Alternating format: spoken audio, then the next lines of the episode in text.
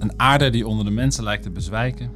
Uh, politiek die polariseert, vluchtelingenstromen zonder einde en ook nog een kerk die krimpt.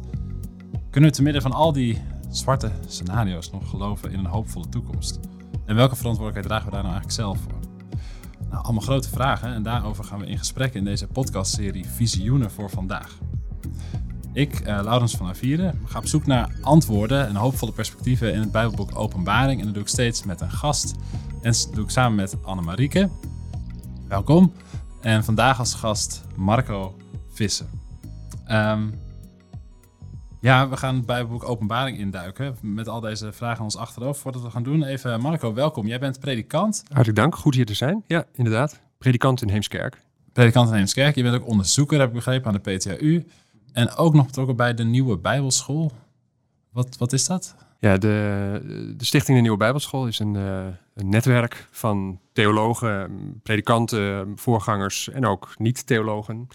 Uh, mensen uit allerlei hoeken die uh, met elkaar ehm, het belang van de Bijbel zien.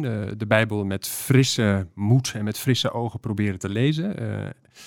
en um, ook wel met name met een focus op, op de actualiteit. Dus de verbinding tussen tekst, die we proberen zo, zo, nou ja, zo secuur mogelijk en zo grondig mogelijk uh, tot ons te nemen als tekst, zoals literatuur, zoals die voor ons ligt. Maar echt met een oog op vandaag. Mooi. Dat, uh, het is natuurlijk niet toevallig dat we jou gevraagd hebben. Niet toevallig. Ja, het heeft alles mee te maken. Het heeft alles te maken met wat we hier gaan doen. De Bijbel Leuk. lezen, maar met het oog op allerlei vragen die vandaag spelen. Mm -hmm. uh, mooi. En dat doe ik dus uh, samen met Anne-Marieke. Welkom. wat doe jij in het dagelijks leven? Ja, ik werk bij de PKN, de Protestantse Kerk Nederland. En ik hou me bezig met de toekomst van de kerk. Dat vind ik heel erg belangrijk. En ik vind het leuk wat je net zei. Um, dat uh, je een perspectief, de Bijbel probeert te vertalen naar vandaag, hè, mm -hmm. hoe die relevant is. En uh, toen we uh, deze podcast begonnen met openbaringen, toen dacht ik, nou, dat is best een klus. Dus ik vind het leuk dat je hier aan tafel zit. Ja, fijn. En dat ik hier als sidekick ook jou lekker mag ondervragen. Ja, ik zie je eruit. Ja. Leuk. Hey, ik leg net in die introductie allemaal grote dingen op tafel. Um, een aarde die onder de invloed van mensen lijkt te bezwijken, polarisatie, uh, grote migratiestromen en, en, een krimpende kerk. Um, nou, dat is uh, best wel een hoop. We gaan straks in het Bijbelboek Openbaring duiken, maar ik ben eerst wel even benieuwd. Um, uh, voelen jullie mee dat dat allemaal speelt? Ik denk soms, er gebeurt zoveel dat dat het best wel moeilijk is in deze tijd om hoopvol te blijven. Maar herkennen jullie dat eigenlijk? Of uh, denken jullie, dat doe niet zo moeilijk? Valt toch allemaal wel mee? Ja, ik, her ik herken wel dat het moeilijk is om hoopvol te blijven. Dat je eigenlijk, als je een beetje empirisch kijkt, dan denk je van, nou, er is veel, veel mis. Mm. En ik vraag me ook altijd wel met een grote vraag af of de wereld nou echt beter wordt of niet. Maar mij geeft het wel rust dat er een leven hierna is. Dus daar haal ik mijn hoop uit, maar dat is iets groters. Als ik naar de dagelijkse dingen kijk, vind ik het soms wel uitdagend. Mm -hmm. Heb je het idee dat de wereld uh, dat het achteruit gaat, zo gezegd? Nou, weet je, ja, ik ben wel benieuwd hoe jullie er naar kijken, maar soms denk ik wel eens, als dit nou het beste is wat we als mensheid voort hebben gebracht, uh, ja, dan vind ik dat, dan, dan vind ik dat nog wel uh, tuurlijk, technologisch gezien doen we het heel goed. We zijn rijker dan ooit. Maar we hebben ook meer um, uh, polarisatie dan ooit, heb ik wel eens het idee. En ja, ik kan natuurlijk alleen over 28 jaar praten. Maar mm -hmm. dat is een beetje mijn gevoel. Mm -hmm. Herkennen jullie dat? Ik uh, ben wel... Ik, ik, leef ook in deze tijd en ben ook geschokt en, en uh, nou ja, ergens ook een soort illusieloos over uh, hoe we eraan toe zijn. Uh, ik zie ja. inderdaad de polarisatie in onze samenleving zit me heel erg dwars. Um, als ik zie hoe Europa met, met de vluchtelingen omgaat, dat, nou, daar kan ik soms stampvoeten. Um, ik vind tegelijkertijd wat mij dan iedere keer wel weer er een beetje bijhoudt, dat zijn dan toch die teksten van de Bijbel. Hè, jij noemt hoop eh, en, en toekomst. Um, voor mij zijn, zijn die teksten van de Bijbel eigenlijk een, soort, soort uh, tegenverhaal, maar ook een verhaal waarin iedere keer weer geweldig veel vertrouwen in, in de mens uh, naar voren komt. dus eigenlijk zit die Bijbel zet eigenlijk alle kaarten op de mens. En dat, um, nou, dat, dat, dat, draait mij dan wel weer 180 graden om ook vaak. Dan, ja, we zijn ook tot zoveel goeds in staat. Um, en um, alleen daar moeten we wel ook naar leren kijken of zo. Of daar moeten we ook wel iedere keer weer bij teruggebracht worden. Um, en uh, ja, Nou ja. Ja, nou dat, dat, gaan we, dat gaan we straks doen. We gaan dus eh, duiken in het boek Openbaring. Mhm. Eh, omdat we ergens de intuïtie hebben. Dat gaan we dan samen onderzoeken. Dat dat ons inderdaad eh, eh, nou, andere perspectieven kan, eh, kan aanreiken. Ja. Ehm, ehm, ja, ik merk dus zelf, om om nog even dus bij die vraag te blijven. Ik heb kinderen en ik, ik heb dus soms wel het gevoel, maar ik kan ook niet generaties terugkijken. Maar dan denk ik wel eens, nou, ik denk wel dat mijn kinderen opgroeien in een wereld die er minder goed aan toe is dan toen ik opgroeide. Waarom denk je dat? Waar zie je dat in? Nou, ik heb het idee dat toen ik, ik ben het eh, van het bouwjaar ne- 1989, toen eh, viel de Berlijnse muur. Ongeveer op het moment dat ik geboren werd in dezelfde maand. Dat was, dat was een tijd, ik weet niet, de ideologische strijd was uitgevochten. Er was alleen maar vooruitgang. Er kwam een eco- economische vooruitgang. Eh, het, het communisme was, eh, nou, was verslagen, zeg maar. Eh, ik weet niet, dat is gewoon... En dan zeg maar tot 2001 of zo met eh 9-11. Ik heb het gevoel, er was gewoon, ja, er waren geen oorlogen dichtbij. Klimaatverandering was niet echt op de. En nu denk ik, nou ja, dus al die dingen die we noemen, klimaatverandering, maar ook je ziet wat voor leiderschap er in de politiek eh, opstaat, eh, sterke, eh, veel polarisatie, een hang naar sterke autoritaire leiders. Al dat, dus al die dingen die ik noem ergens. Ik merk dat ik me dan wel echt zorgen maak. Dat ik denk, nou, maar ik kan dus ook niet generaties terugkijken. Nee, kunnen we niet. Hè? Nee. Nee, inderdaad. Even voordat we erin duiken, we gaan straks lezen uit hoofdstuk 5. Dat is op een bepaalde manier een beetje in het begin van het boek, maar een soort centraal hoofdstuk. Maar help ons eerst even, Marco. Dat, dat boek, Openbaring, laatste boek van de Bijbel. Ehm, ik heb altijd het idee, er zijn mensen die er helemaal mee weglopen. Die vinden dat fantastisch. Denken, ja, hier, hè, hier vind ik een soort eh, eh, gids door eh, bange tijden. Of misschien beter gezegd, Mhm. hier zie ik een soort routeplan voor wat Ja. er allemaal gaat gebeuren. Alle, alle antwoorden op onze vragen. Ja, heb je? An- andere Zeker. mensen denken, oh help, al die heftige beeldtaal, ik kan er helemaal niks mee, dus blijven er juist helemaal bij weg. Het is een moeilijk boek. Ehm, dus wil jij ons eerst eens even gewoon helpen, eh, voordat we er straks induiken, waar, waar landen we dan? Wat is, het eigenlijk, wat is het nou eigenlijk voor boek? Waar hebben we mee te maken? Ja. Openbaring van Jezus Christus. Daar begint het mee. Dus wij noemen het boek meestal dan Openbaringen van Johannes. Zo heet het boek in ieder geval niet. Ehm, eh, het boek begint met, met de, de, de, de aanhef, eh, openbaring, met een andere vertaling van dat Griekse woord apocalyps, ehm, eh, onthulling van Jezus Messias. Dus nou, Maar waarom benadruk je dat zo dat het openbaring en niet openbaringen is? Omdat het om de, de, de ene onthulling van die ene naam gaat. En het gaat niet om, eh, dus de, de titel is niet van nou, er zijn allerlei visioenen, allerlei openbaringen aan Johannes. Mhm. Eh, het gaat over een, een ziener die Johannes heet. Ehm, en ehm, nou ja, misschien nog Het één is, stap. van, het, is een, het is een geheel waarin een, een soort één plaatje, eh, even in mijn woorden, wordt geopenbaard of wordt onthuld, waarin Jezus van Jezus, zeg maar. Of, Ja. Eh, het is niet Dus een de- reeks eh, losstaande dromen. Precies. Of, eh, Ja, inderdaad. Ja, ik geloof dat ik dat, dat, dat Ja. ermee bedoel. Ja. Er is de, onthulling van een naam en dat is Jezus Messias. Ehm, en het is een, een boek in het genre van de apocalyptiek. Ja, dat zijn het. Hè? Dus even ja. meteen daar, eh, Mhm. apocalyptiek, eh, dat, dat woord is bij ons iets gaan betekenen van eh, een, een eh, soort gewelddadige eindtijd. Hè? De, grote oorlogen. Ja, zeker. Ja, nou, dat, dat is waar we aan ja. denken bij apocalyptiek. Ja, dat zijn, Apocalyptische films, dat En zijn niet, films waarin de wereld ten onder En niet aan iets hoopvols, inderdaad. En eh, we hebben de, de, de, de, al de thema's die we net al even heel snel Mhm. de revue laten Ja. passeren. Hè. Je zou bijna kunnen zeggen van nou, wij leven in apocalyptische tijden. Ja. Ehm, eh, al die beelden die we op ons netvlies eh, krijgen. Maar apocalyptiek is eh, dus een genre ehm, dat we ook uit, het, uit de Hebreeuwse Bijbel, het zogenaamde Oude Testament, wel kennen. Uit bijbelboeken als Daniel en Ezekiel.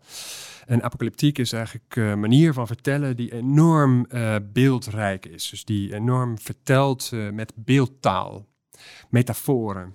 Ehm, en ook heel gekke, vreemde, over elkaar heen buitelende beelden. Ehm, dus eh, ja, inderdaad, die, die ervaring van dat je ernaar kijkt, zo'n beetje als buitenstaander, Mhm. als, als, als eh, argeloze lezer. Je denkt, ja, wat moet ik hier in vredesnaam mee? Dat is Mhm. eigenlijk wel heel herkenbaar. Het is beeldtaal. Een, een soort Beeldtaal. poëzie of toneelstuk. Wat, eh, Ja, dit is ehm, zo beeldrijk dat het bijna ehm, het meest misschien nog wel te vergelijken is met, met, met, met, met de moderne schilderkunst.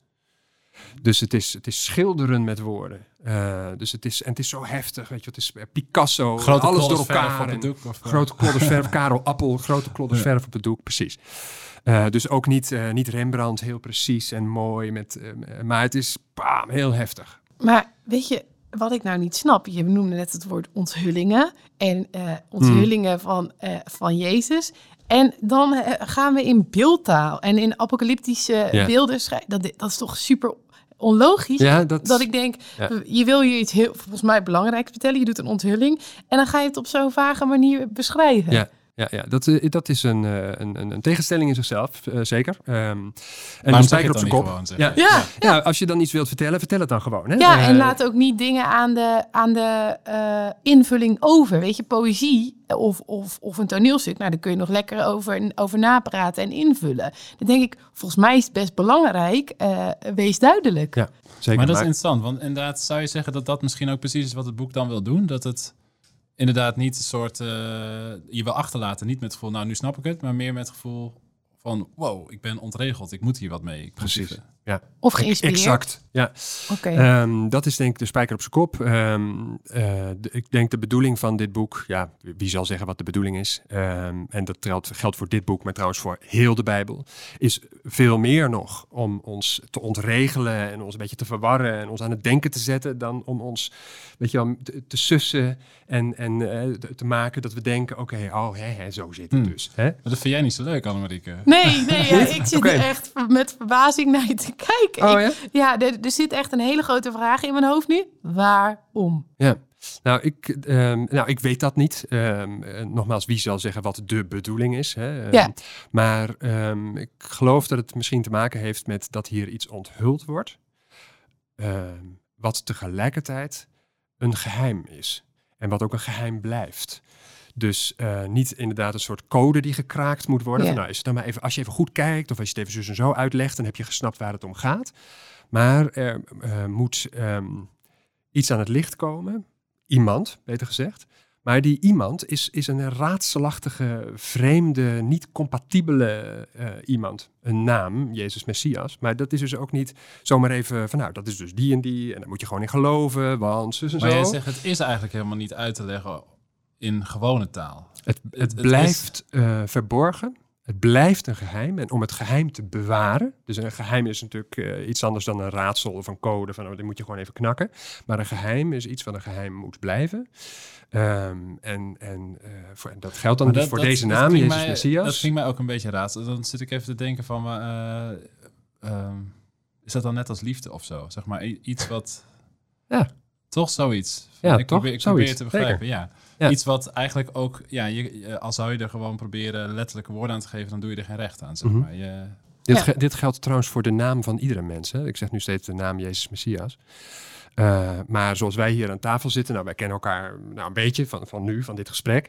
Maar ook mensen die je heel goed denkt te kennen, ook die blijven altijd ergens een beetje een geheim, een raadsel, anders, verrassend.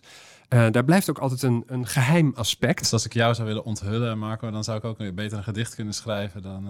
eh, Ja, ja. ja, liever wel. Ja. Ja. inderdaad. En op het moment dat we gaan zeggen, oh ja, die Laurens, eh, ja, nou leer mij Laurens kennen, want die zit zo en zo. En dan Geef het dan je voel je meteen, meteen ook Ja. niet, niet meer fijn. En dan voel je je onrecht gedaan. Je van, ja, nee, dat kan, dat kan niet. Want ik wil meer zijn dan alleen maar zoals ik in een, in, een, in een hokje en in een vakje eh, pas. Dus dit zou wel eens de reden kunnen zijn. Ik, eh, we proberen maar wat. Eh, dit zou wel eens de reden kunnen zijn dat dat, dat zo gek moet. Om ons veel meer te verwarren en aan het denken te zetten. Zoals Picasso doet met zijn kunst. Weet je wel, die, die wil je Mm. eh, ja, door elkaar schudden en schokken en je, je gedachten op zijn kop zetten.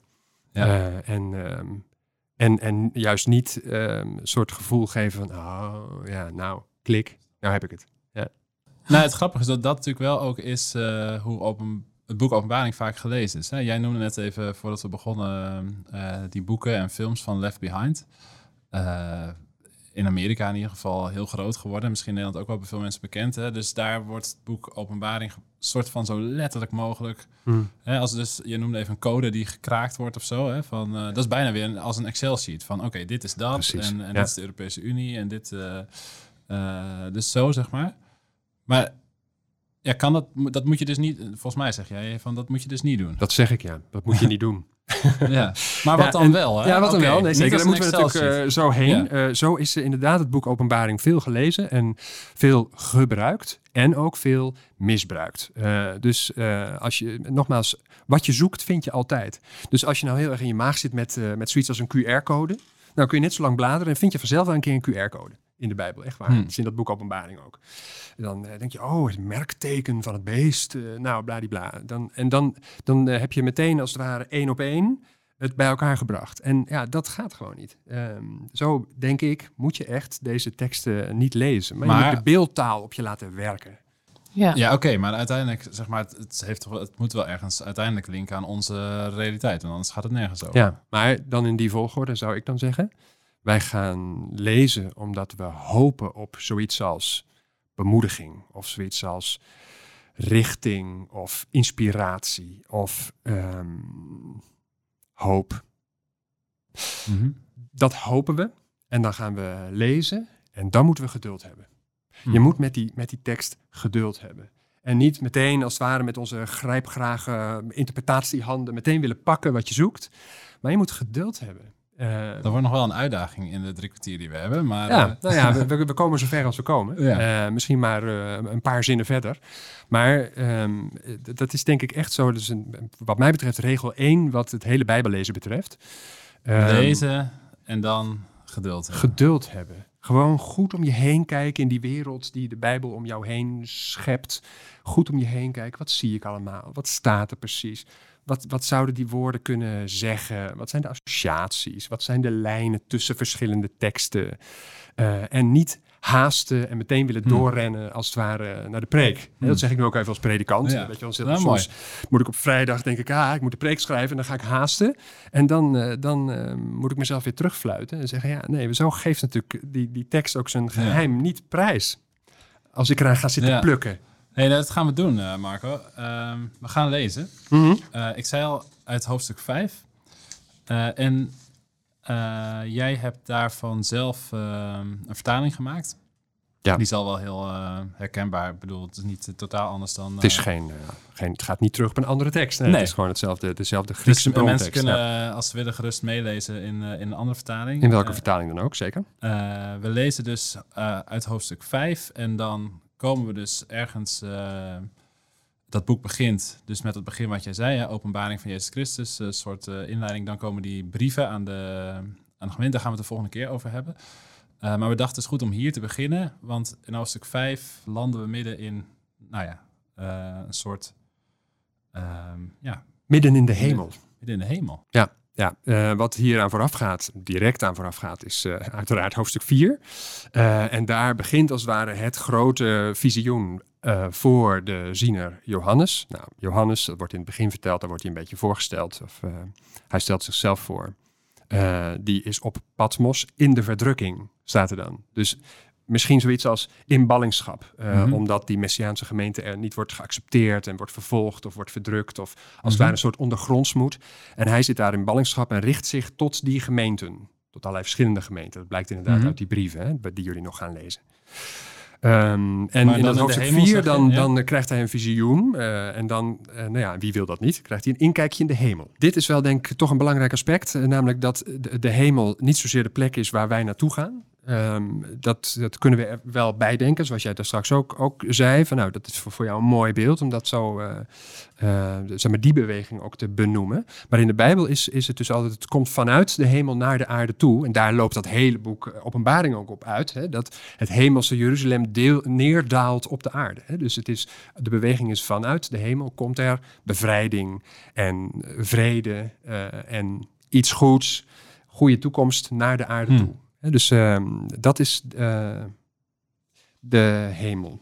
Waar heb ik die tekst nu? Laten Dus gaan we lezen? Ja, zou jij hem willen lezen? Mhm. Openbaring 5, de eerste acht versen.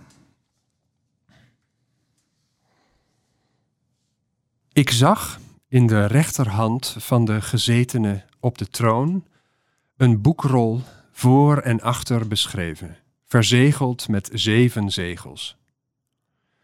En ik zag een sterke engel die met luide stem uitriep: Wie is waardig de boekrol te openen en zijn zegels te verbreken.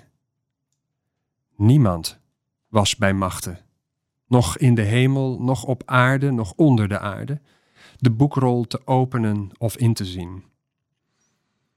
En ik weende zeer, omdat niemand waardig bevonden werd de boekrol te openen of die in te zien. Een van de oudsten zei tegen mij: Ween niet. Zie, de leeuw heeft overwonnen uit de stam Juda, de wortel van David, om de boekrol te openen en zijn zeven zegels. En ik zag te midden van de troon en van de vier levende wezens en te midden van de oudsten een bokje staan, als geslacht. Het had zeven horens en zeven ogen, dat zijn de zeven geesten van God, uitgezonden over de hele aarde. Het kwam en ontving uit de rechterhand van de gezetene op de troon. En toen het de boekrol ontving, vielen de vier levende wezens en de 24 oudsten neer voor het bokje. Ze hadden ieder een citer en gouden schalen vol reukwerk. Dat zijn de gebeden van de heiligen. Het is wel grappig, toen ik deze tekst las, dacht ik, ja, ik ben altijd gewend dat een dominee, als ik naar een dienst ga, dan al die eh, beelden uit gaat leggen. Dus ik ben eigenlijk wel benieuwd wat jij nu gaat doen. Ja, ja inderdaad. Uh, nou, in ieder geval niet zo uitleggen dat je dus eh, straks zegt, oh nou, zo zit het uh, Klaas Kees. Hè? Ja, zo niet. Ja. Maar er is natuurlijk wel heel veel te bekijken. En mm -hmm. er is ook veel over te zeggen over deze ja, metaforen, hè? deze beeldspraken. In het, ik, afgaand op jouw stem en ehm, uh, als ik het zo lees, denk ik daar, eh, het schetst een soort beeld van in het centrum, daar staat dat lammetje. Ik zeg lam, mm -hmm. want dat is hoe ik mm -hmm. het verhaal zo vaak gehoord heb. Jij zegt ja. bokje. Ja. Ja. Um, um, ja, op, op dat lam, dat bokje zoals ik het dan vertaald heb, uh, komen we zo. Maar misschien is het wel goed om even gewoon bij, bij het begin te beginnen. He, ook vanwege dat, dat idee van, nou, hoe moet je nou met die teksten omgaan? Geduld kijk gewoon even goed wat, wat, wat er staat en, en, wat voor beelden je ziet. Zoals je voor een, voor een schilderij gaat staan, gewoon eerst maar even aanwijzen van oh dit en oh dat en, en ik zie dit en ik zie dat. Hè? Dus, uh, en dan is het natuurlijk altijd goed bij een verhaal om gewoon maar aan het begin te mm-hmm. beginnen. En wat, wat, wat, waar begint het dan mee? Wel nu, um, een boekrol, mm-hmm. voor en achter beschreven. En als ik uh, uh, hier hoor boekrol en ik zie dat zo voor me, dan denk ik eigenlijk allereerst aan de Torah. De Torah-rollen, de schrift mm -hmm. van Israël. Um, dat waren in die tijd geen boeken, maar boekrollen. Ja, en in de synagoge is dat natuurlijk ja. nog steeds zo. Hè. Dus, uh, die boeken zijn opgerold, dus dat zijn uh, boekrollen, maar wel degelijk boeken. Uh, maar hier um, is die boekrol verzegeld. Mm -hmm. um, en dat duidt er waarschijnlijk op dat het zoiets is als een testament.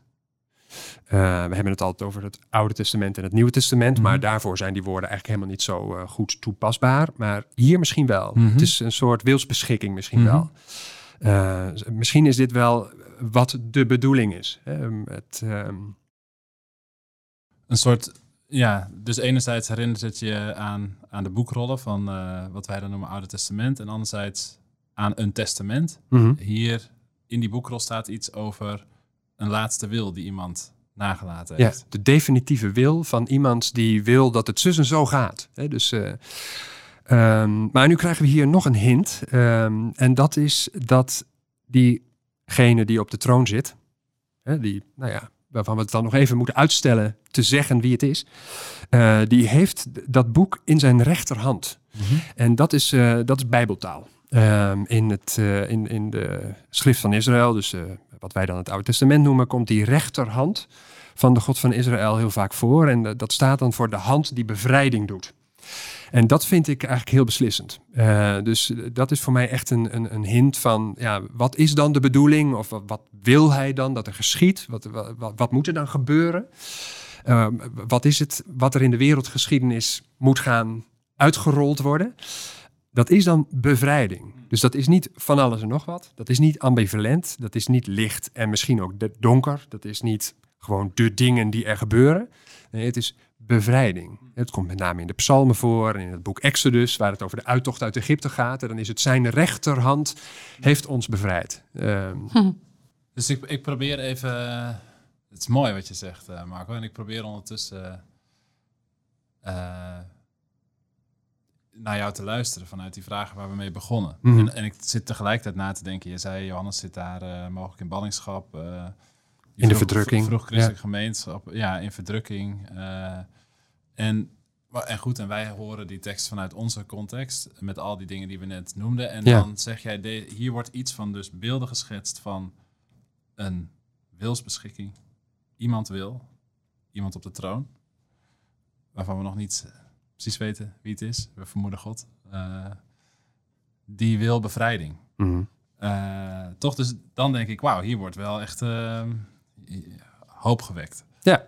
Een spanning opgebouwd. Ja, nou misschien vooral dat. Ja. zeker misschien want, dat we ehm, 2000 jaar later nu kijken en denken, oké, Ja. God wil bevrijding. Maar die spanning zit dus ook heel erg in die tekst. Want wat gebeurt er dan vervolgens? Dat namelijk dat boek dus dicht is. Eh, en dat is de hele spanning. Eh, Misschien die jij net ook al even bedoelde van ja, maar hè, als er dan iets goeds, ehm, hulp en bevrijding vanuit de hemel zal gebeuren, wat merk ik daar dan van? Of waar kan ik Ja. dat uit opmaken? Nou, dat kunnen wij dus niet opmaken. Dat, dat kunnen wij niet zomaar even vaststellen. En dat is waar deze tekst over gaat. Ehm, dat dat boek dicht is. Ehm, en dat is eigenlijk heel, heel aangrijpend iets, maar ook een heel echt iets. Een hele diepe en echte ervaring. Dat de geschiedenis een raadsel is. En ook, heel eerlijk gezegd, een aanvechting. Eh, want, want ja, gaat het ergens naartoe? Eh, gebeurt er iets goeds? Ja, lieve help, wie zal het zeggen? Ehm, en die, die pijn daarvan zit heel erg, denk ik, in deze tekst. Dat, dat verhaal wordt verteld. Dus die ervaring, vind ik, dat vind ik ook een heel mooi iets, die wordt hier heel erg opgepakt. Hè? Dus die ervaring van ons. En dan eh, staat er zelfs, hè, dat, dat raakt mij eerlijk gezegd altijd, en ik weende zeer. Ik, ik barstte in, in, in huilen uit. Van wanhoop misschien. Van wanhoop. Ja. Ja. vanwege het raadsel van, van, eh, van de wereld. Vanwege dat we er geen grip op hebben en dat er dus helemaal niemand is die kan zeggen hoe het zit en, en wat de bedoeling is en waar het heen moet. Ik voel dat eigenlijk wel. Dat ik denk van, nou ja, openbaring is openbaring, openbaringen staat voor mij wel als een beetje het sluitstuk van de Bijbel. Van er komt een nieuwe hemel, een nieuwe aarde. Mhm. Misschien wel een van de bekende. En nu vertel jij dus, ja, eh, hier wordt eigenlijk met ons meegeleefd in een wanhoop. Dus dat wij naar de wereld kijken en denken, waar gaat het naartoe? Wat zeg je dat mooi? Ja. Ik denk dat dit verhaal dat heel erg, in die zin heel erg naast ons komt staan. Sympathisch Eh, boek. Ja, heel erg. Ehm, dus, eh, en, en eh, ja, hoe, hoe lees jij die tranen?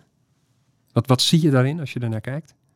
Wat- nou, ik schrik er bijna van. Hm. I- Oh ja? ik, dat ik denk van, ik weende zeer. Dat, ehm, dat je misschien wel gewoon met je handen in de lucht zegt van, waarom gaat dat boek niet open? Ik voel er ook eh, nou, die onmacht eh, in. Maar ook wel zoiets als een soort, soort verzet. Weet je wat, het is- het zijn ook tranen die ergens aangeven voor mij. Dat is wat ik er ook heel erg in lees. Van, van, van niet daarin berusten dat de wereld zo is zoals die is. Ja, ja. Dus eh, weet je wel, je, je, zou inderdaad willen stampvoeten of Ja. met je handen in de lucht eh, willen staan van... eh, eh, waarom zijn de dingen zoals ze zijn en het is niet goed zoals het is. En, en eh, ik, benadruk dat zozeer omdat eh, in het christendom is dat wel een, nou ja, een, een beetje een soort rode draad geworden. Van ja, de dingen zoals ze gebeuren zijn zo'n beetje Gods wil. ehm, en je moet daarin Mhm. berusten. Je moet dat aannemen zoals het is. Want de wereldgeschiedenis ja, wordt nu eenmaal bestuurd en zo. Hè? En die tranen zijn daartegen. Tenminste, dat Ja. is wat ik erin zie. Eh, van zo, zo is het niet. Eh, er moet iets, eh, een, een verborgen iets anders zijn. Nou ja, misschien ben ik dan te, zou jij misschien zeggen, te ongeduldig. Maar dan denk ik ook, ja, ehm, ik vind, ik voel die tranen mee. Ik denk, ja, ik, ik, ik voel dat gevoel mee. Waarom, in mijn woorden, waarom komt het nou niet verder met het verhaal? Waarom, God wil de wereld bevrijden, maar het lijkt alsof dat niet gebeurt. En tegelijkertijd, dan denk ik, maar daar stopt die tekst niet. Dit Nee. is een centraal visioen en hier gaat het juist ook over dat die zegels wel verbroken gaan worden. eh, als een opmaat naar wat we in het boek verder gaan lezen. Mhm. Gaan jullie dat ook in deze serie verder ook nog lezen? Wat, wat er gebeurt als die zegels worden verbroken? Zeker. Ja. Heftig. hè? Ja, dat is heftig. Ja, en denk je Ja. nou, dan zal het wel goed nieuws zijn, maar dan, Ja. is het, eh, dan, dan rennen Ja. die paarden over de wereld. ja, en, eh, het is heel dubbel. zeker. Ja, Ja. Maar daar gaan we het zeker nog over Ik hebben. merk Het wel, komt nog. Ik merk dat ik heel benieuwd ben hoe het verder gaat. Ja, hoe het verder gaat. Nou, hoe het nu hier verder gaat, is zo dat er dan iemand komt. Een van de oudsten heb ik vertaald, eh, heel letterlijk, maar eh, je zou kunnen vertalen ook met een ouderling. En dat zou natuurlijk grappig zijn, want wij kennen ook het fenomeen in, in onze protestantse kerken, althans uh, het fenomeen van de ouderling. Dus daar komt dan een ouderling en die is een beetje on, onbeholpen, die legt zo heel voorzichtig een beetje een arm op zijn schouder en zegt, nou ja, huil maar niet. Uh, dat, vind ik, dat zie ik ook wel weer als een klein beetje soort, soort grappig, um, liefdevol. Huil maar niet. Um, dus er wordt ook iets tegen die tranen ingezegd. Um, en dat is, nou wat zegt hij dan, die ouderling? Huil maar niet, ween niet, want zie, de leeuw heeft overwonnen. Uit de stam Juda, de wortel van David. Uh, nou, daarmee worden we natuurlijk heel erg naar dat uh, zogenaamde Oude Testament, naar de Hebreeuwse Bijbel, teruggebracht. Uh, de, degene die, die dit aan kan, heeft al overwonnen, wordt daarover gezegd. en dat is de, de Messias, de Messiaanse koning van Israël, de de, de zoon van David. Met, met die woorden, Juda, David, wordt dus die hele wereld van het zogenaamde Oude Testament als het ware wakker geroepen. nou, daar moet je het zoeken. Um, en inderdaad, een leeuw is natuurlijk ook een beeld voor kracht en overwinning. Ja. Overwinning, precies. Dat, uh, dat is een beest dat het aan kan. Moet het wel een vrouwtjesleeuw zijn trouwens, want die mannetjesleeuwen, dat schijnen hele luie beesten te zijn. Um, maar in ieder geval kracht en overwinning, hè? iets koninklijks. Um, maar um, dat is wat er gehoord wordt. Dus dat is wat er gezegd wordt. Maar wat hij dan ziet, die ziener, dat is iets anders. Dus dan schuift er als het ware een ander beeld, een ander plaatje ineens mm -hmm. voor. Dat kan in dat boek Openbaring. Die beelden kunnen elkaar gewoon heel zomaar ineens onaangekondigd afwisselen. Um, en dan is daar ineens uh, ja, een heel andere beeldspraak, namelijk een lam. Ik heb hier vertaald bokje, omdat er een ander woord in het Grieks staat dan, dan dat lam dat we uit uh, andere Bijbelboeken wel kennen. Zie het lam Gods enzovoort. Uh, dat is een ander woord. Uh, en hier staat inderdaad zoiets als een mannelijk beest en dan het verkleinwoord daarvan. Dus het is een klein, stevig hè, dier. En ik heb het nu een beetje expres zo vertaald, ook een beetje vanwege het verrassingseffect. Omdat dat beeld van het lam, dat, dat heeft toch alles een beetje ja. de associatie van zo'n zo'n schattig aaibaar, uh, sneu dier. Uh, en dat is in ieder geval niet wat hier staat. Het is een, het is, het is een het, er zit iets van inderdaad ook mm -hmm. wel kracht in en iets stevigs. Maar dus even die beelden neem je mee van, oh, waarom komt het nou, waarom komt er nou niks terecht van die wereld en die bevrijding van God? En dan is er hoop. Die, die, het volk Israël kende natuurlijk, uh, er waren al, al eeuwen die, die profeten die zeiden, maar er komt, het komt. Al die komt. verhalen worden verteld. Met, ja, met, met, zeker. met hoop op een sterke uh, bevrijder, uh, Mhm. beeld van de leeuw. En dan hier wordt dat beeld op zijn kop gezet. Uh, Oké, okay. het gaat goed komen. De, de boekrol wordt ontzegeld. Ja, inderdaad. Nou, maar het, door, maar door gaat, een bokje. Het gaat goed komen. Sterker nog, het is al goed. En dat is natuurlijk eigenlijk het hele gekke wat hier gezegd wordt. Niet hij zal overwinnen, maar hij heeft overwonnen. Maar de boekrol, om de boekrol te openen. Dus die boekrol is nog niet open. Die gaat hij zo meteen openen. En hij is degene die, die dat kan, die dat aan kan, die het mag. Die niet zoals wij allemaal uh, vuile handen heeft. Uh, en, en dus die waardig is, hè, zo staat er dan met zo'n mooi woord. Uh, maar inderdaad is de hele omkering dat wij zitten te kijken naar die leeuw en naar die kracht en naar die overwinning. En dan denk je, oké, gelukkig, hè, het is uh, macht en tegenmacht. Maar dan is er ineens een kanteling van dat beeld, want dan is het dus ineens een lam. Een, een bokje dat geslacht is. Um, en wat, wat zien we dan aan dat dier? Nou, het heeft zeven horens en zeven ogen. Horens is zoiets als stootkracht en het kan iets. Hè. Het is niet slap, het is niet... Uh, uh, alleen maar een soort onderdanig sneu. Uh, maar het, het kan het aan. Ogen, denk ik, is zoiets als inzicht. Uh, zicht op misschien wel met name ook de kwetsbare en, en, verdrukte mensen op de aarde. Zo zou ik het uitleggen. Maar ja, het is wel geslacht. Dus het is ook een, het is ook een slachtoffer. Ja, eigenlijk letterlijk misschien nog wel. Dus het is een, het is, het is een, een, een leidende, omgebrachte gestalte. En dat is natuurlijk eigenlijk de hele omkering die hier gebeurt. Dat uh, het boek Openbaring en zeker ook deze hoofdstukken gaan over nou, wie is er aan de macht? Zijn het de machten van de wereld en wat zich groot en sterk maakt? Of is het die, die ene, die van Israël, uh, die op de troon zit? En, en is het uh, ja, misschien dan toch wel Jezus Messias? Maar dan is de vraag van, van hoe heeft hij dan... Uh, hoe staat hij erboven en hoe is hij ja. aan de macht? Ja, maar dat, dat is dan dus, gek genoeg... Vanuit kwetsbaarheid. Vanuit kwetsbaarheid. Ja. In het lijden, in het... eh, Ja, nee, ik merk, Ma- Marco en ook al Marieke, dit, eh, ik ben eh, christelijk opgevoed. Ik, ik ken deze beelden. hm, En het raakt me ook. Ik vind het, ik vind het ongelooflijk mooi, zeg maar, dat, dat daar zo'n kwetsbaar bokje, lam, dat die in het centrum staat. Eh, juist dan denk ik, oh ja, in die Romeinse context daar, zeg maar, alles draaide om macht en verheerlijking van macht. En in onze tijd natuurlijk net zo. net zo. Ja. Dus ik vind het, zo, het is echt zo'n krachtig beeld van eh, in, in het hart van, van dit visioen, in, in het hart van het christelijk geloof staat een totaal ander verhaal. Waarin we iemand op de troon zetten en zien. Alle kaarten worden gezet Ja. op... En tegelijkertijd merk ik ook, oké, maar dan even terug naar gewoon, dan, dan zit ik straks weer eh, op de fiets naar mijn werk of ik eh, kom thuis met de kinderen. Weet je, dat is ook het mooie natuurlijk van zo'n verhaal. Het neemt je mee in een totaal andere wereld met rare beelden en zo. Maar dan pak je ze uit en denk je, wauw, hier gebeurt iets heel moois.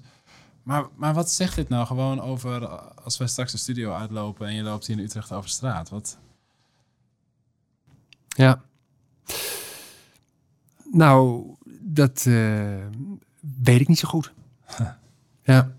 Kijk, als, als ik Dat dan nu zou zeggen, vraag. nou, goede Ja. vraag, ik zal hem even beantwoorden. dan, eh dan, dan roetsten we weer terug naar eh, zeg maar onze oude impuls van, eh, oké, wat hebben we eraan? Wat kunnen we eruit plukken? Eh, maar dan, zo ik werkt het niet. ik, maar nee, ja. eh, ik wil wel een poging doen, Ja? toch? Ik denk dat dit verhaal ons toch wel eh, echt een andere mindset geeft. Zouden we nu misschien vandaag zeggen. Andere ogen. Hè, dus met dat die, die Johannes, die ziener, die visionair, iets ziet, gaan wij het ook mee zien.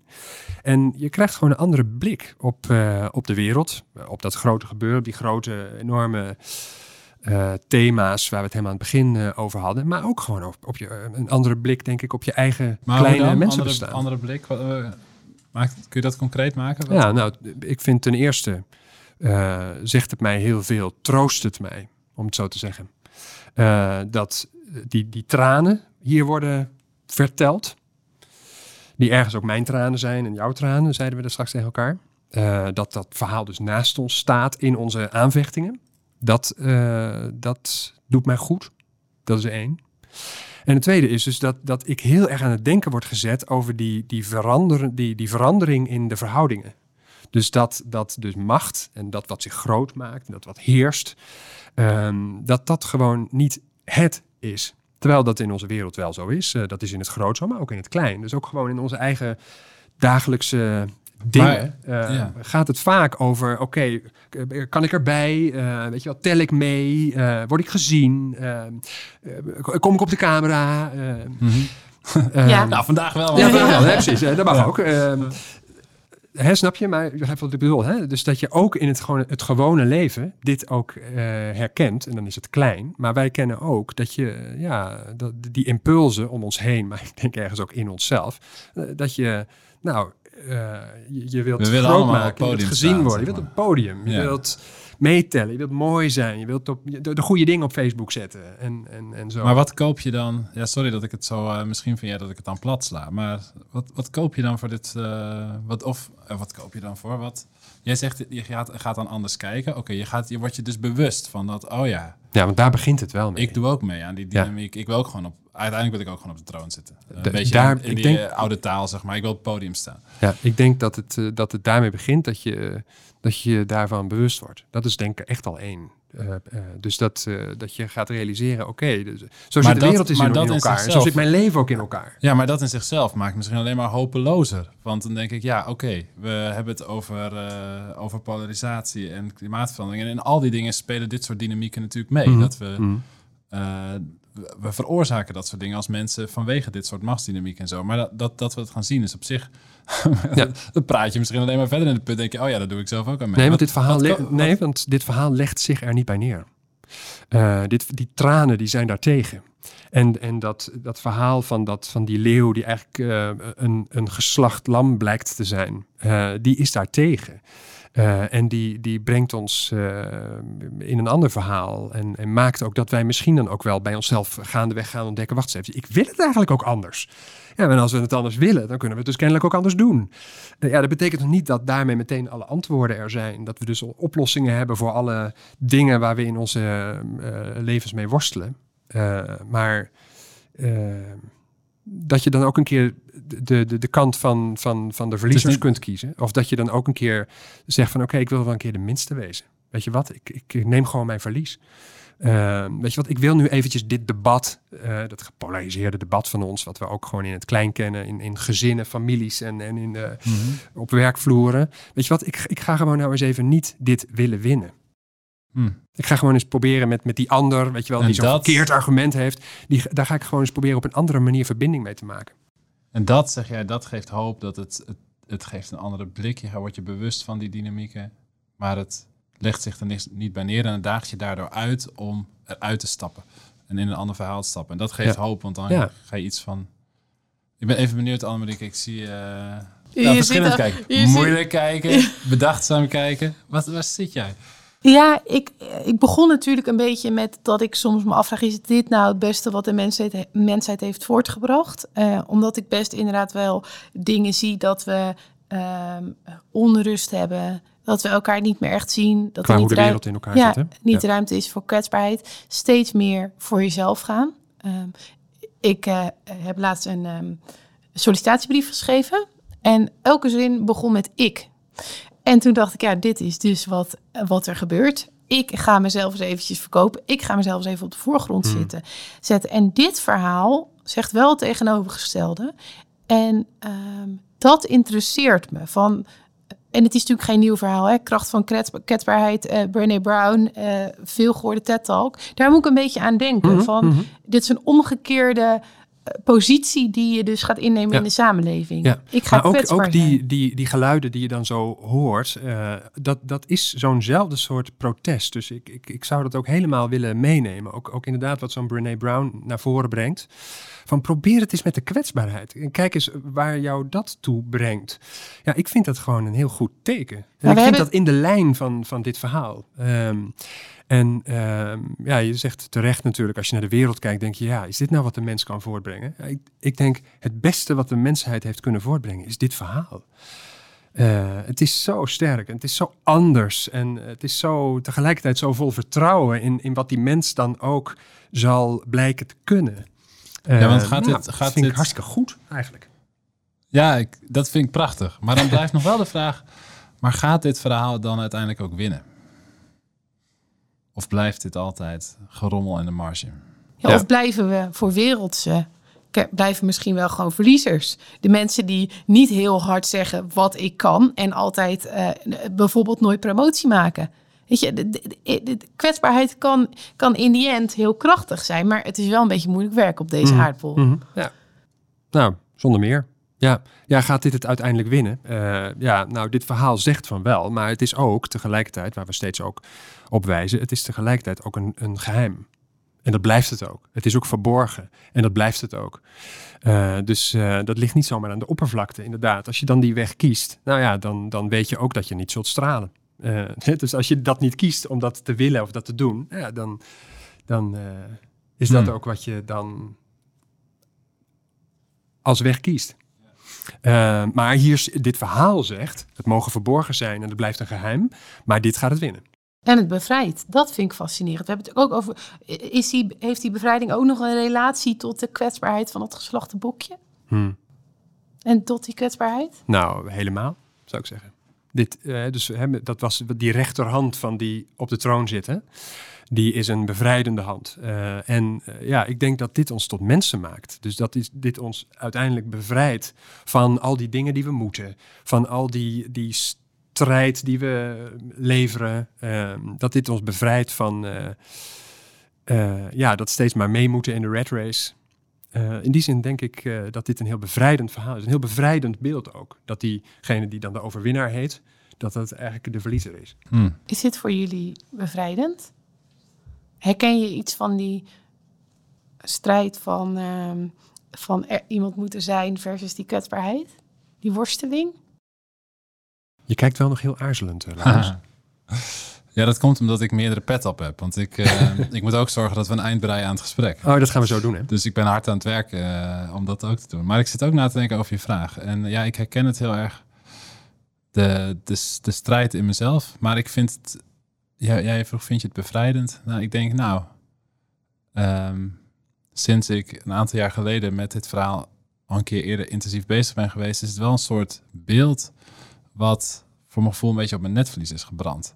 Hmm. En dat is dan dat beeld van uh, kracht in kwetsbaarheid. En dan in, in Jezus, zeg maar, die dan verbeeld wordt als een lam. Vind ik dat bevrijdend? Ja, ik vind het, uh, voor zover het me lukt om daar, dat patroon een beetje te volgen, is dat vaak uiteindelijk heel bevrijdend.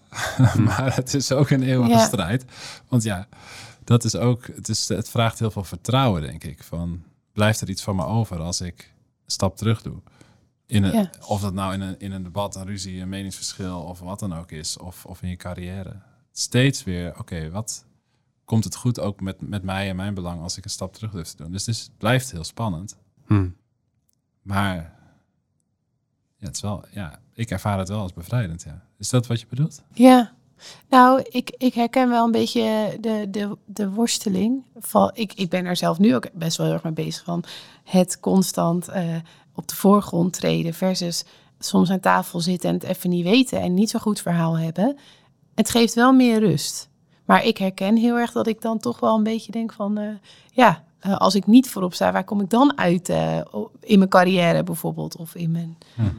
Ik, dus ja. ik vind dat wel, wel, wel spannend hoor. Ja. Nou ja, daarmee zijn we met dit verhaal is natuurlijk ook, ook niet gezegd dat je niet ook, uh, nou ja, uh, op het podium mag. Of dat je ook niet ook af en toe gewoon een mooie stap mag maken. Of dat mm. je niet ook uh, mag bloeien. Want dat is natuurlijk tegelijkertijd nee, ook wel heel erg de bedoeling ja. van het mens zijn. ook in de Bijbel. Dat de mens mag er gewoon ja. volop wezen. Dus je hoeft ook niet altijd alleen maar um, klein in een hoekje te gaan zitten. Dat is natuurlijk helemaal niet wat dit verhaal per se dan wil verkondigen. Maar en andersom, dan gaan we afronden, Marco. Wat... Um Um, als er nou één ding is waarvan je zegt, ja, als mensen dit verhaal lezen, dan hoop ik dat, uh, dat dit op hun netvlies gebrand blijft. Wat, wat zou je dan zeggen? Ja, nou, ik vond dat jij het net zo al heel mooi zei. Namelijk, uh, als ik dit heb gezien en ook echt heb gezien, echt uh, even op me heb laten inwerken, dan staat dat beeld op mijn netvlies. En dan nadien kun je het nooit meer, dat nooit meer ongedaan maken. Je hebt dat gezien en dat gaat nooit meer weg. Um, en dat is een, inderdaad een, uh, een, een, bevrijdend en, en denk ik heel uh, hoopvol, wel ook heel ontregelend uh, beeld. Dus als mensen nu na dit gesprek een beetje ontregeld zijn, dan zou ik dat eigenlijk ook wel een heel, hmm. heel goed, goede uitkomst vinden. Ja. Um, en als dat dan tegelijkertijd een beetje de kleur heeft van vertrouwen en hoop en, en en uh, weet je wel, vertrouwen in de zin van, oké, dit, dit, uh, dit is dus de weg. Maar er is ook een weg. Um, en uh, dan, dan, dan is dat denk ik heel ja. goed. Nou, maar ontregeling mooi. is ook goed. Ja, nou dan maak ik daar de laatste vraag van voor jou, Annemarie. Welke vraag neem jij dan mee naar de volgende podcast? Waarin je ontregeld bent en denkt, daar wil ik verder op gaan, over gaan praten. Um, ja, ik, ik, ik zie hier toch ook wel wat interessante waarden of, of, of beelden of ideeën die niet echt in onze maatschappij passen. En daar ben ik door getriggerd. Hmm. Dat ik denk, oh, dat geeft mij hoop. Het is zo anders. Dat, dat, dat ontregelt me. Maar het, geeft me, het, het triggert me ook om in de volgende podcast dus die beelden meer te gaan herkennen. Ik had van tevoren niet verwacht dat we die uit openbaringen uh, zouden kunnen halen. Dus het is niet per se een vraag, maar het is een interesse van wat kan ik dan nog hmm. meer in dit boek vinden dat dus uh, ja, me verder helpt. Hoewel het niet concreet is. Het is niet concreet, maar ik denk wel dat je over die kwetsbaarheid is, uh, is door kan gaan. Mm. Mooi. Doen. Bedankt. Dat gaan we doen. Marco, ontzettend bedankt voor al je input en uh, wijsheid en gesprek. Ja, graag gedaan. Fijn hier te zijn. Annemarie, tot de volgende keer. Tot de volgende keer. En luisteraar, bedankt voor het luisteren. Je luisterde naar uh, Visioenen voor vandaag, een podcast van Petrus. Dit was deel 1 van een vijfdelige serie waarin we dus het Bijbelboek Openbaring induiken. Leuk dat je luisterde. En uh, luister vooral ook de volgende keer. Dan gaan we in gesprek, Annemarieke en ik weer. En dan in gesprek met Gertjan Roest, uh, kerkplanter en theoloog. En dan gaan we dus kijken naar die brief in openbaring. En we gaan het hebben over de toekomst van de kerk. Een kerk die krimpt is nog hoop voor de kerk. En uh, dan komen al die beelden weer terug. En ik ben heel benieuwd wat hij daarover te zeggen heeft. Um, wil je niks missen? Abonneer je dan via je favoriete podcastkanaal, zodat je ons automatisch volgt. Dat zouden we super leuk vinden. En uh, laat vooral een, um, een review, beoordeling achter. Want het schijnt dat dat ons heel erg helpt om goed vindbaar te zijn. Dus, uh, en dat helpt ons natuurlijk ook om te weten wat je ervan vond en om de serie te verbeteren.